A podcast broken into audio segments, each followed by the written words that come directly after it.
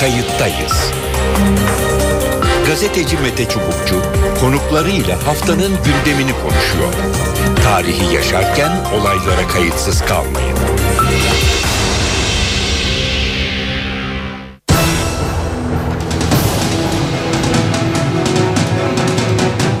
İyi günler efendim. Kayıttayız programıyla yeniden beraberiz. Tarihi, hayatı, yaşananları ve bu hafta yaşadıklarımızın arka planlarını kayıt altına almak için bir kez daha sizlerleyiz. Ben Mete Çubukçu. Türkiye'de gündem çabuk ilerliyor. Bir hafta sonrası için şunu konuşuruz derken o gündemin eskidiğini görüyoruz. Bu anlamda batılı meslektaşlarımız e, bu açıdan bizleri şanslı görürler. Yani gündemi bol olan bir ülke olarak görülür Türkiye. Ama dileyelim gündemimiz bol ama acısız, kansız ve barışçıl bir yöne giden gündem olsun. Geçen hafta sonu Reyhanlı saldırısı ya da Reyhanlı katliamıyla başlayan süreçle ilgili tartışmalar devam ediyor. Reyhanlı bir katliam. Orta Doğu'nun bölgenin ve o bölgede olan bitenin bir yansıması. Yani Suriye'deki savaş, bu savaşta Türkiye'nin konumu, Türkiye'yi bu konuda sıkıştırmak isteyenler, Türkiye'nin bu işe çok fazla girdiği yönünde eleştiride bulunanlar birçok görüş mevcut. Ancak şunu söylemek gerekiyor. Yıllardır Orta Doğu'yu takip eden ve hala orayla ilgilenen bir gazeteci olarak bu bölgede olanların zincirleme olarak herkesi etkileyebileceğini e, söylemek gerekiyor. Yani siz bir ülkeye girerseniz o ülkede sizin içinize girebiliyor. Bu sadece Türkiye için değil Orta Doğu'daki bütün ülkeler için geçerli. Türkiye'nin Suriye'deki tavrı insani bir tavır. Binlerce Suriyeli, Suriyeli kardeşimizi dışarıda bırakmak ne bize ne Türkiye'ye yakışır. Ancak çeşitli eleştiriler de var. Acaba çok fazla angaje mi olduk, gereğinden fazla mı Suriye'ye bulaştık diye. Bu hafta kayıttayızın ikinci bölümünde işte bu konudaki pazarlıklar Amerika Birleşik Devletleri'nin Suriye konusunda ikna etmek için gösterilen çaba, çabalar Obama e, Erdoğan görüşmesinin biraz perde arkasını konuşmaya e, çalışacağız. Şimdi Reyhanlı'ya isterseniz geçelim oradan başlayalım. Türkiye çözüm sürecini konuşur ve tartışırken Hatay Reyhanlı'da meydana gelen saldırıda bilindiği gibi e, korkunç bir bilanço ortaya çıktı. 51 kişi hayatını kaybetti, onlarca yaralı vardı. Hükümet Şam rejimini saldırıların faili olarak gösterdi. Soruşturma kapsamında onlarca kişi ifadesi onlarca kişinin ifadesi alındı. İçlerinden dördü tutuklandı. Saldırıların ardından en çok konuşulan konu olayda bir istihbarat zafiyetinin olup olmadığıydı. Bombalı eylemin MIT yani Milli İstihbarat Teşkilatı tarafından önceden haber alındığı ve emniyetin uyarıldığı yönündeki haberler basına yansıdı bildiğiniz gibi. Bu tezi destekler nitelikte açıklama ise Başbakan Erdoğan'dan geldi. Erdoğan şöyle dedi. İstihbarat zaafı olduğu kanaatinde değilim ancak emniyetle MIT arasında bir kopukluk olabilir. Başbakanlık Teftiş Kurulu çalışmalarına başladı. Zaaf belirtisi varsa bunun gereği yerine getirilecek dedi. Devletin zirvesinden de bu konuyla ilişkin açıklama geldi. Bir değerlendirme yapıldı. Cumhurbaşkanı Abdullah Gül olay nasıl oldu? Zanlılar takip altındayken nasıl gözden kaçırıldı? Bunu soruşturma sonunda öğreneceğiz dedi. Gül bu sözleriyle istihbarata rağmen eylemin gerçekleşmiş olmasına dönük tepkisini de dile getirdi.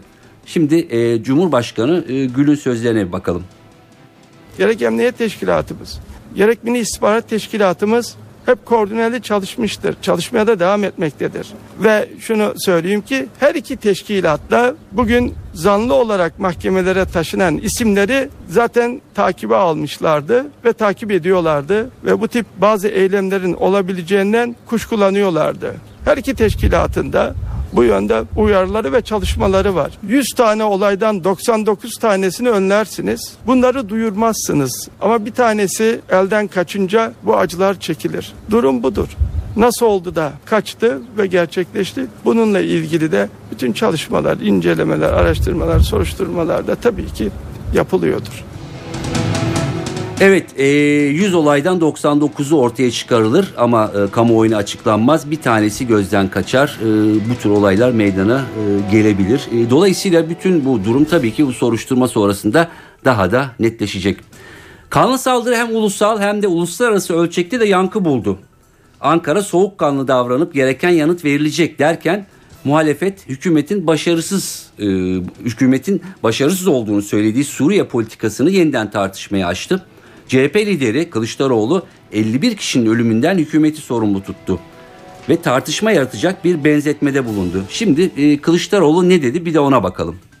Türkiye zemin kaybediyor.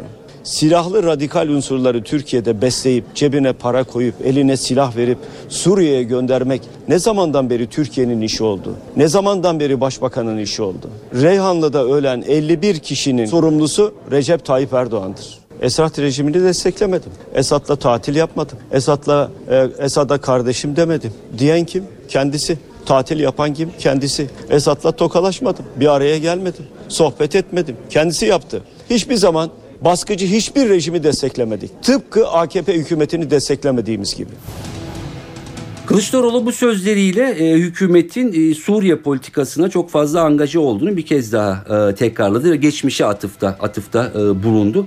E, tabii ki bu eleştiriler benzer eleştirilerde bulunanlardan biri de e, MHP lideriydi Devlet Bahçeli. Suriye sınır boyunun güvensiz olduğuna dikkat çekti.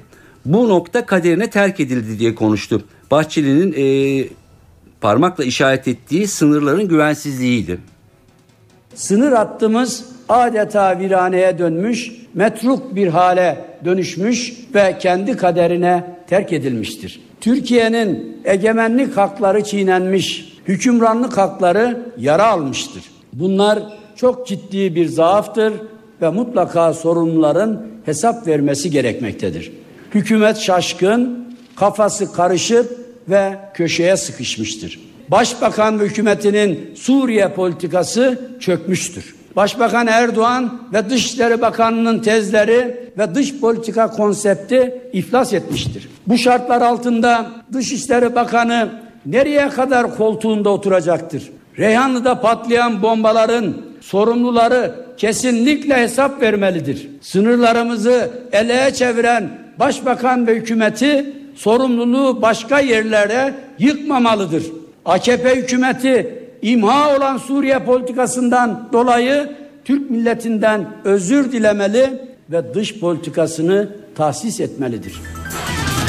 Evet görüşler, tepkiler e, böyleydi. Belki bu Reyhanlı e, bölümünü kapatmadan önce e, minik bir e, ekleme de yapmak lazım. Bilindiği gibi bu Reyhanlı katliamı sonrası haber yasağı, e, haber yapmaya yasak e, getirildi.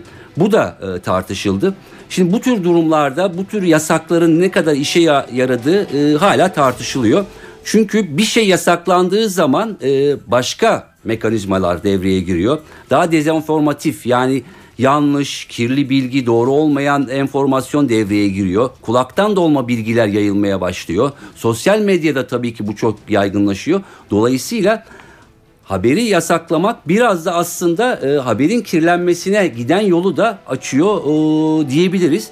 Dolayısıyla zaten bu katliamdan sonra e, kanlı görüntüler ve oradaki acı manzaraların gösterilmesi doğru değil. Zaten bunlar e, gösterilmemesi gereken yerler ve gösterilmiyor. Ancak bilgi düzeyinde bilgi engellendiği zaman ya da e, önüne set çekildiği zaman e, daha farklı kanallardan daha kirli bilgiler akabiliyor. Bu daha e, nazik bir sürece e, götürebiliyor bütün kamuoyunu diyelim ve e, Amerika Birleşik Devletleri'ne uzanalım. Tabii ki mevzu aslında aynı yani Suriye'den e, Türkiye, Türkiye'den Amerika Birleşik Devletleri'ne giden bir yol. Reyhanlı saldırıları uluslararası toplumda da yankı buldu. E, Birçok ülke saldırıyı kınadı. Birleşmiş Milletler Güvenlik Konseyi'nde Esad rejimini destekleyen Rusya ve Çin de eyleme tepki gösterdi. E, Reyhanlı saldırıları Başbakan Erdoğan'ın e, Başkan Barack Obama ile Beyaz Saray'da, yap, Beyaz Saray'da yaptığı görüşmeyle damgasını vurdu.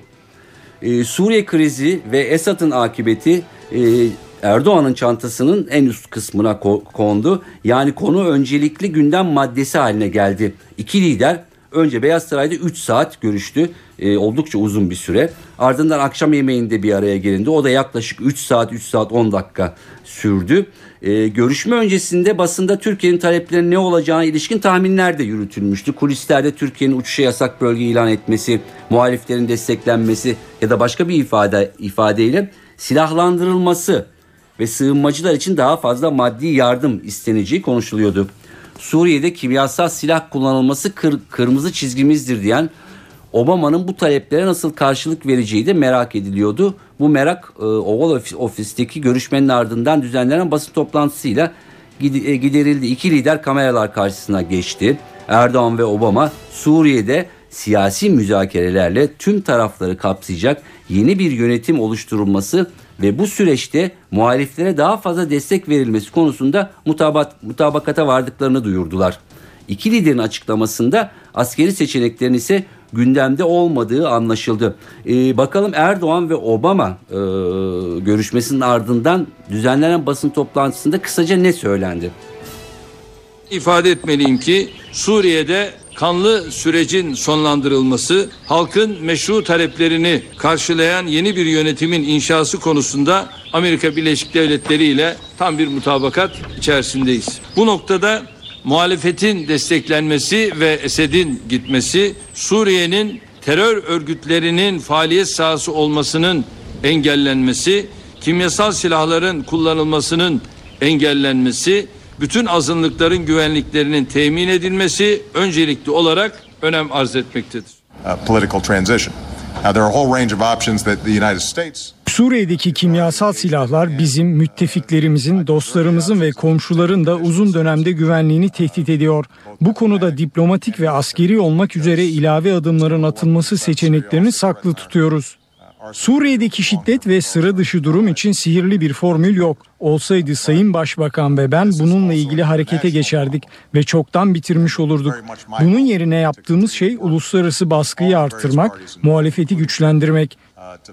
Cenevre'deki görüşmelerin Rusya'nın ve Suriye'de her kesimi içerecek siyasi geçişin temsilcilerinin de katılımıyla sonuç verebileceğini düşünüyorum.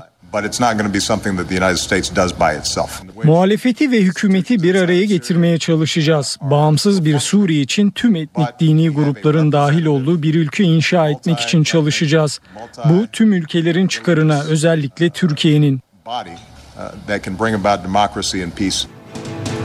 Evet Obama Erdoğan görüşmesinin ardından basın toplantısından e, kısa bir bölüm e, dinledik. Benim anladığım kadarıyla bu basın toplantısı tabii ki e, kapalı kapılar ardında ya da kulislerde e, yeni neler konuşuldu ya da ne tür pazarlıklar yapıldı bunları bilmiyoruz. Ama kamuoyuna açıklanan bu görüşe e, bakacak olursak Amerika'nın pozisyonda herhangi bir değişiklik yok. Yani Amerika dün neredeyse bugün de orada sanki Amerika e, kendini Haziran ayında yapılması planlanan Rusya-Amerika zirvesi işte Suriye'de bir geçiş döneminin e, hazırlanacağı Cenevre mutabakatı denilen ki daha önceden böyle bir mutabakat ortaya çıkmıştı.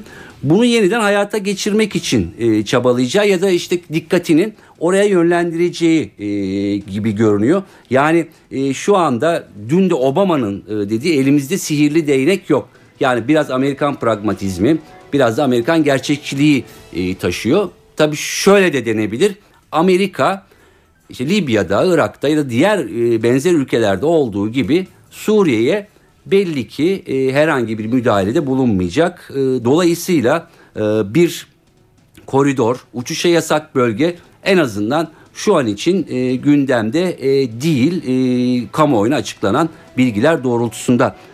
Evet e, yani e, Suriye'deki e, kriz gerçekten e, bütün dünyanın gündemini e, oluşturmuş durumda. Dünkü görüşmeye bakacak olursak özellikle Obama e, Erdoğan görüşmesine e, gündemin birinci maddesinde e, bu var. Hatırlayacak olursak daha önceki başbakan ve Amerikan başkanı görüşmelerinde genelde hep e, terör meselesi yani PKK e, bazlı e, terör meselesi gündemin birinci maddesini e, oluştururdu. Bu sefer e, belli ki e, ilk sırada Suriye var. E, Semih İdis sanırım hatta. Semih İdis e, merhaba. Tekrar merhaba.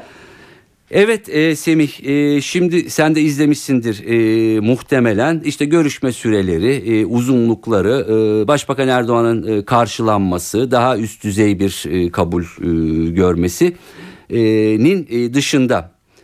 Suriye konusunda beklenenler elde edildi mi? Tam mutabakat diye gazetelere yansıyan bir takım başlıklar e, var. Evet her, her iki taraf Esad'ın gitmesini istiyor ama e, nasıl? Yani sen e, bu tam mutabakattan ne çıkarıyorsun? Şimdi tabii aslında kısa cevabı hayır. Beklentiler elde edilmedi ama burada daha önemli bir arka plan var bence. Ee, bir şekilde Türkiye'nin Suriye politikasına bir ayar verildi e, Washington'da. Ee, şöyle ki e, elbette e, basın toplantısının metnini İngilizcesinde okuyunca şunu anlıyorum ben. Ee, Başkan Obama e, Türk kamuoyunun karşısında Erdoğan'ın elini rahatlatacak olan o Esad gitmeli e, ifadesini kullandı. Nitekim e, bazı basın organlarımızda da bakıyoruz. Bu ön plana çıkarılmış bu ifade. Oysa bu ifade e, o kadar önemli değildi fiili olarak yani operatif olarak.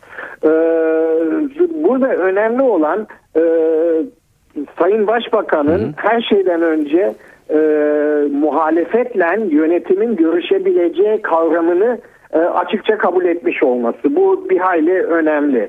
Ee, Rusya ve Çin'e de e, atıfta bulunarak onların katkılarının önemli olacağını söylemek suretiyle de bu Cenevre 2 platformuna yaklaştığını çıkarıyorum ben. Hı hı. E, çünkü e, Rusya ve Çin üzerinden pozisyonunuzu değiştirin şeklinde bir çağrıdan ziyade onların katkılarının da önemli olduğu ifadesi var burada. E, yardım konusunda e, Türkiye e, belli ki e, mülteciler konusunda belli bir yardım alacak, almaya da devam edecek ama orada Obama e, gayet ince bir şekilde Türkiye'ye yardım olacağından ziyade bu mülteci e, yükünü e, kaldıran ülkelere yardımımız da devam edecek dedi. Yani e, dolaylı olarak e, siz varsınız ama Ürdün'de var başka ülkeler de var bu işin içinde. Evet Lübnan'da var 1 milyon kişiyle. Tabii tabii. Ee, sonuç itibariyle yani işin koreografisi Türk-Amerikan ilişkilerinin oldukça sıcak bir döneme girdiğini e, ortaya koyuyor. Nitekim e, hatırlayacaksın orada e, Başbakan basın toplantısının açılışında e, Türkiye'nin yakın müttefiki Amerika'ya teşekkür etmek suretiyle açtı.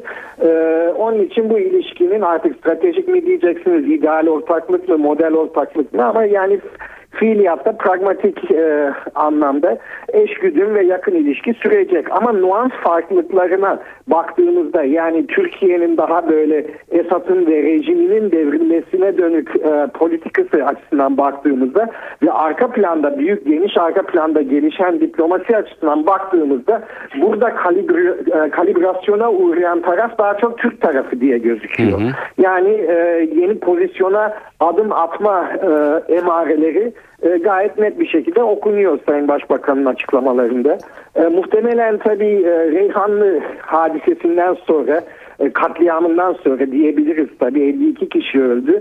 E, Türkiye'de bir yeni düşünce tarzı da gelişmek üzere.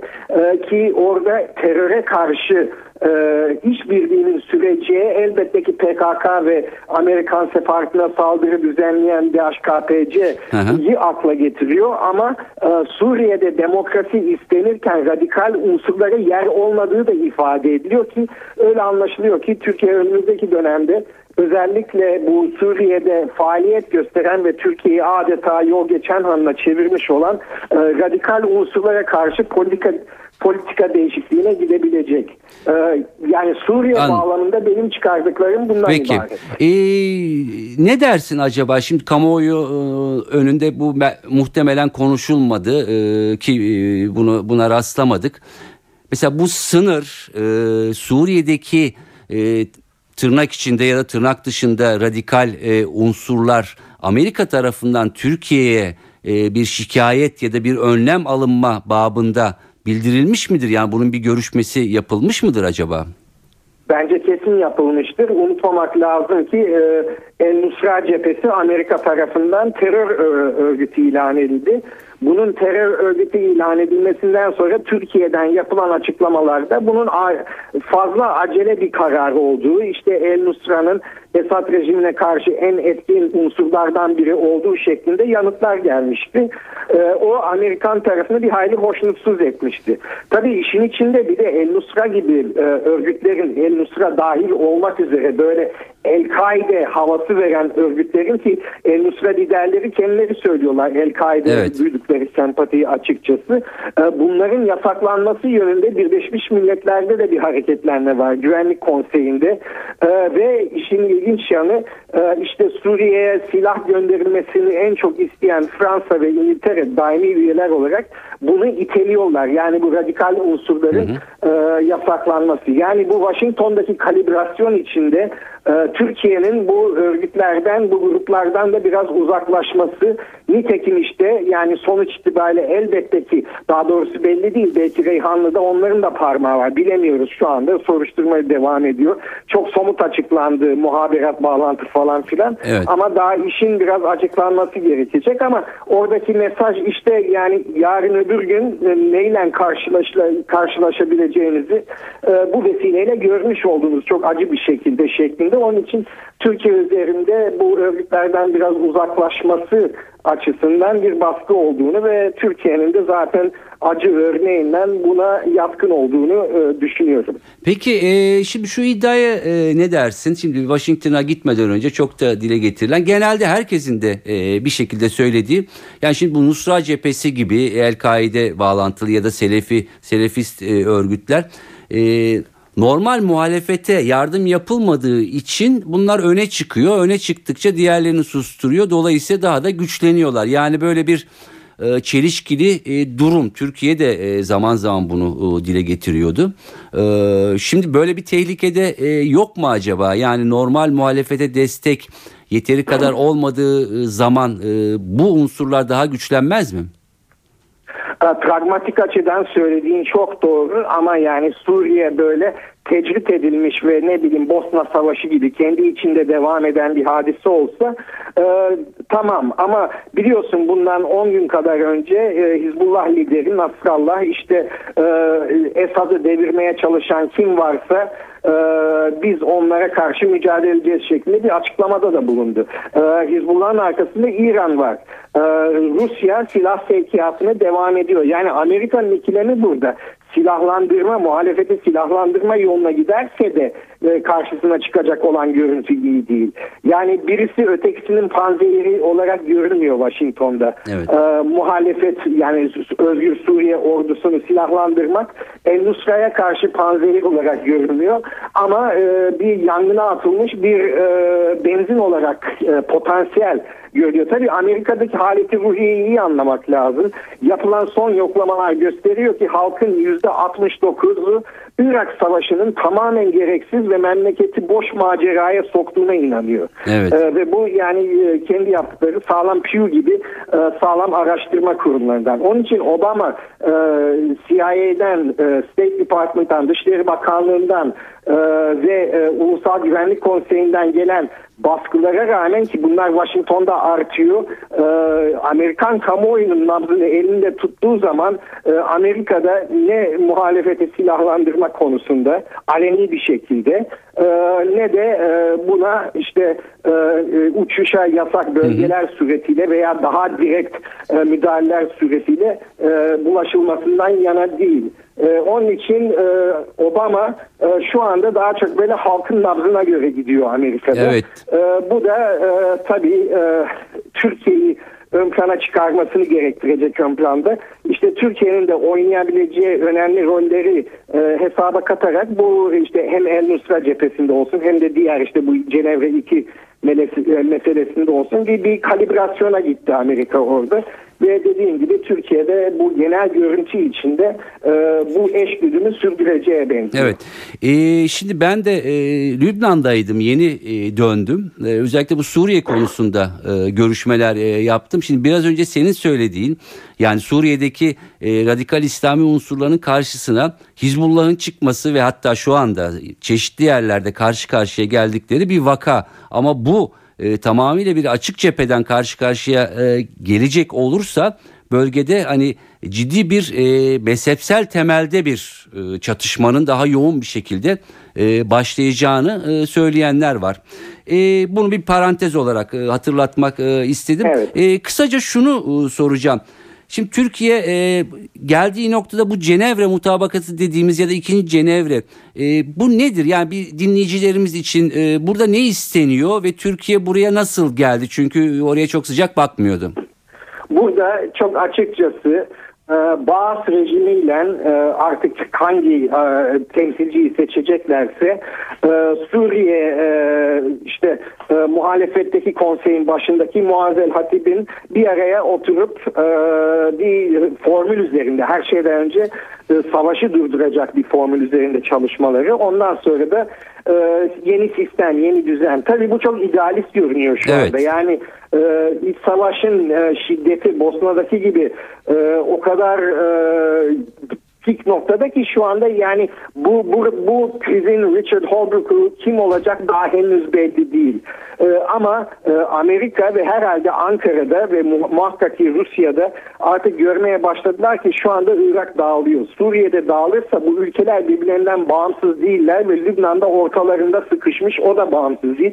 Hepsi birbirlerinin dinamikleriyle bütün Orta Doğu'nun e, demografik ve e, etnik ve e, mezhepsel yapısı önümüzdeki 5 yıl içinde 10 yıl içinde radikal şekilde değişebilir. Evet. Ee, işte bunu e, engellemek için şimdi bir yandan Irak'taki seçimleri kolluyorlar. Diğer yandan da işte bu çatlamış olan Suriye'yi e, muhalefet ve e, yönetimi bir şekilde bir yani Esad arka planda olsa bile veya masada olmasa bile bir araya getirme çabası. Yani hem Tabii bu- muhalifler olsun hem bazıçılar olsun birlikte bir ortak geçiş Evet, hükümeti. evet. Yani bu işin esasını aslında muhalif ve bağız diyoruz ama Suriye'nin realitelerine göre konuşacaksak bu masada Sünniler olsun, Nusayriler, Aleviler olsun, e, Hristiyanlar olsun isteniyor E, ve böyle e, bir çok etnikli bir yapı olduğu için herkesi yönetebilecek bir sistemin çıkması Evet. isteniyor. Tabii bu şu aşamada çok idealist görünüyor. Onu söylemeliyim.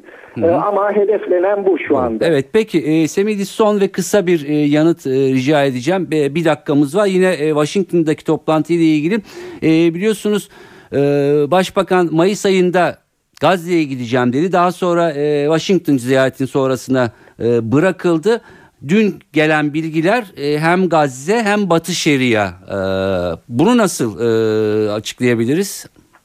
Yani çok e, hızlı söylemek gerekirse bu Türkiye'nin kalibrasyon meselesine bunu da sokmak lazım. Sayın Başbakan diyor ki sadece Gazze'ye gitmeyeceğim. Gazze'ye gitmem bir taraf tutmak anlamına gelmiyor ve Gazze'ye gitmem hem Filistinler, Filistinli örgütler arasında mutabakatın hem de Orta Doğu barışının e, ilerlemesine katkıda bulunacak. Yani kendisine çok ağır bir yük almış oldu şu anda. Yani sadece gidip Hal- Halit Meşal'le e, kucaklı veya tabii Halit Meşal e, Gazze'de değil ama Haniye ile kucaklaşıp işte güzel fotoğraflar çekti. Bu gidişinin e, bir pozitif imajla istiyor ve tahmin ediyorum da Amerika'da yapılan Peki. e, e, Sayın Dışişleri Bakanlığı'nın ziyaret öncesinde Amerika Kerry ile yaptığı e, konuşmanın bir diye düşünüyorum. Peki. Semih çok teşekkürler. Ee, değerli katkıların e, Oldu. ve bilgilerin Sana için. çok iyi. Kendine e, iyi bak. Evet efendim kayıttayız. Ee, her hafta bu saatte bugün karşınızda e, bugünkü programımıza son veriyoruz. Tarihe kayıtsız kalmamak için kayıt altına almaya çalışıyoruz. Ancak söylemek gerekiyor ki bölgemiz önümüzdeki dönemde çok şeye gebe. E, bu nedenle Türkiye'nin en azından kendi sorununu, kendi içindeki sorununu çözme ve barışa doğru yürümesi çok önemli. Çünkü daha zor günler olabilir. Tabii ki ummuyoruz ama tahmin edebiliyoruz. Editörümüz Sevan Kazancı, ben Mete Çubukçu. Kayıttayız programından iyi hafta sonları, hoşçakalın.